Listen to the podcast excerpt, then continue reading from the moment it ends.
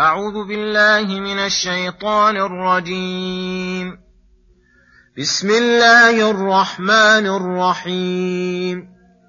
ألف لام را. تلك آيات الكتاب المبين.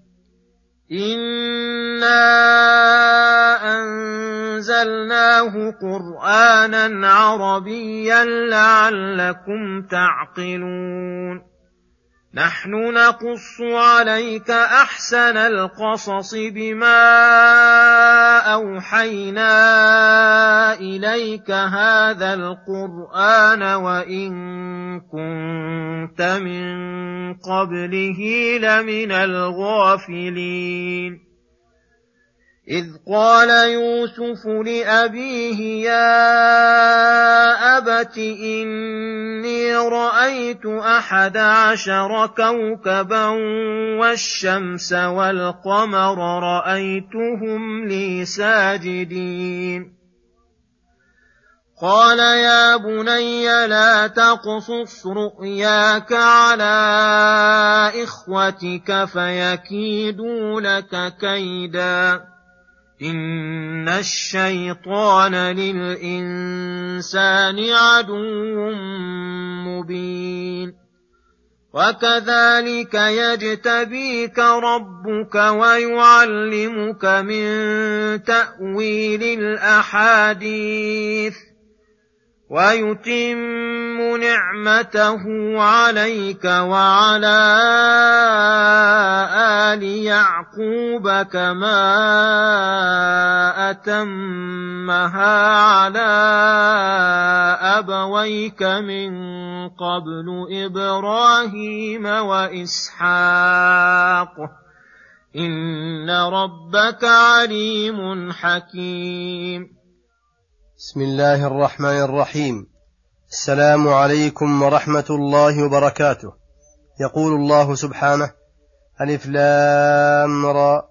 تلك آيات الكتاب المبين. إنا أنزلناه قرآنا عربيا لعلكم تعقلون. نحن نقص عليك أحسن القصص بما أوحينا إليك هذا القرآن وإن كنت من قبله لمن الغافلين. يخبر تعالى أن آيات القرآن هي آيات الكتاب المبين. أي البين الواضحة ألفاظه ومعانيه ومن بيانه وإيضاحه أنه أنزله باللسان العربي أشرف الألسنة وأبينها المبين لكل ما يحتاجه الناس من الحقائق النافعة. وكل هذا الإيضاح والتبيين لعلكم تعقلون أي لتعقلوا حدوده وأصوله وفروعه وأوامره ونواهيه. فإذا عقلتم ذلك بإيقانكم واتصفت قلوبكم بمعرفتها أثمر ذلك عمل الجوارح والانقياد إليه.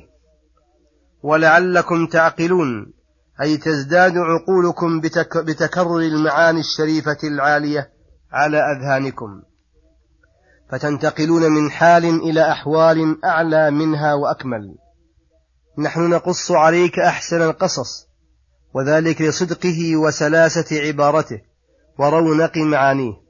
بما أوحينا إليك هذا القرآن أي بما اشتمل عليه هذا القرآن الذي أوحيناه إليك وفضلناك به على سائر الأنبياء وذاك محض منة من الله وإحسان. وإن كنت من قبله لمن الغافلين. أي ما كنت تدري ما الكتاب ولا الإيمان قبل أن يوحي الله إليك ولكن جعلناه نورا نهدي به من نشاء من عبادنا. ولما مدح ما اشتمل عليه هذا القرآن من القصص وأنه أحسن القصص على الإطلاق فلا يوجد من القصص في شيء من الكتب مثل هذا القرآن. ذكر قصة يوسف وأبيه وإخوته القصة العجيبة الحسنة فقال إذ قال يوسف إلى قوله إن ربك عليم حكيم. أي أيوة واعلم أن الله ذكر أنه يقص على رسوله أحسن القصص في هذا الكتاب ثم ذكر هذه القصة وبسطها وذكر ما جرى فيها. فعلم بذلك أنها قصة تامة كاملة حسنة.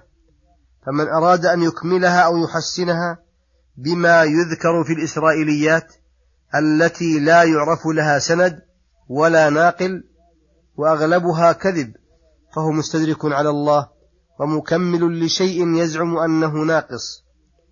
وحسبك بأمر ينتهي إلى هذا الحد قبحا. فإن تضاعيف هذه السورة قد ملئت في كثير من التفاسير من الأكاذيب والأمور الشنيعة المناقضة لما قصه الله تعالى بشيء كثير. فعلى العبد أن يفهم عن الله ما قصه ويدع ما سوى ذلك مما ليس عن النبي صلى الله عليه وسلم ينقل. فقوله تعالى إذ قال يوسف لأبيه يعقوب بن إسحاق بن إبراهيم الخليل عليهم الصلاة والسلام يا أبت إني رأيت أحد عشر كوكبا والشمس والقمر رأيتهم لي ساجدين. فكانت هذه الرؤيا مقدمة لما وصل إليه يوسف عليه السلام من الارتفاع في الدنيا من الارتفاع في الدنيا والآخرة وهكذا. إذا أراد الله أمرا من الأصول العظام قدم بين يديه مقدمة توطئة له وتسهيلا لأمره واستعدادا لما يرد على العبد من المشاق ولطفا بعبده وإحسانا إليه. فأولها يعقوب فأولها يعقوب بأن الشمس أمه والقمر أبوه والكواكب إخوته وأنه ستنتقل به الأحوال إلى أن يصير إلى حال يخضعون له ويسجدون له إكراما وإعظاما وأن ذلك لا يكون إلا بأسباب تتقدمه من اجتباء الله له واصطفائه إياه وإتمام نعمته عليه بالعلم والعمل والتمكين في الأرض وأن هذه النعمة ستشمل آل يعقوب الذين سجدوا له وصاروا تبعا له فيها. ولهذا قال وكذلك يجتبيك ربك أي يصطفيك ويختارك بما من به عليك من الأوصاف الجليلة والمناقب الجميلة ويعلمك من تأويل الأحاديث أي من تعبير الرؤيا وبيان ما تؤول إليه الأحاديث الصادقة كالكتب السماوية ونحوها. ويتم نعمته عليك في الدنيا والآخرة بأن يؤتيك في الدنيا حسنة وفي الآخرة حسنة.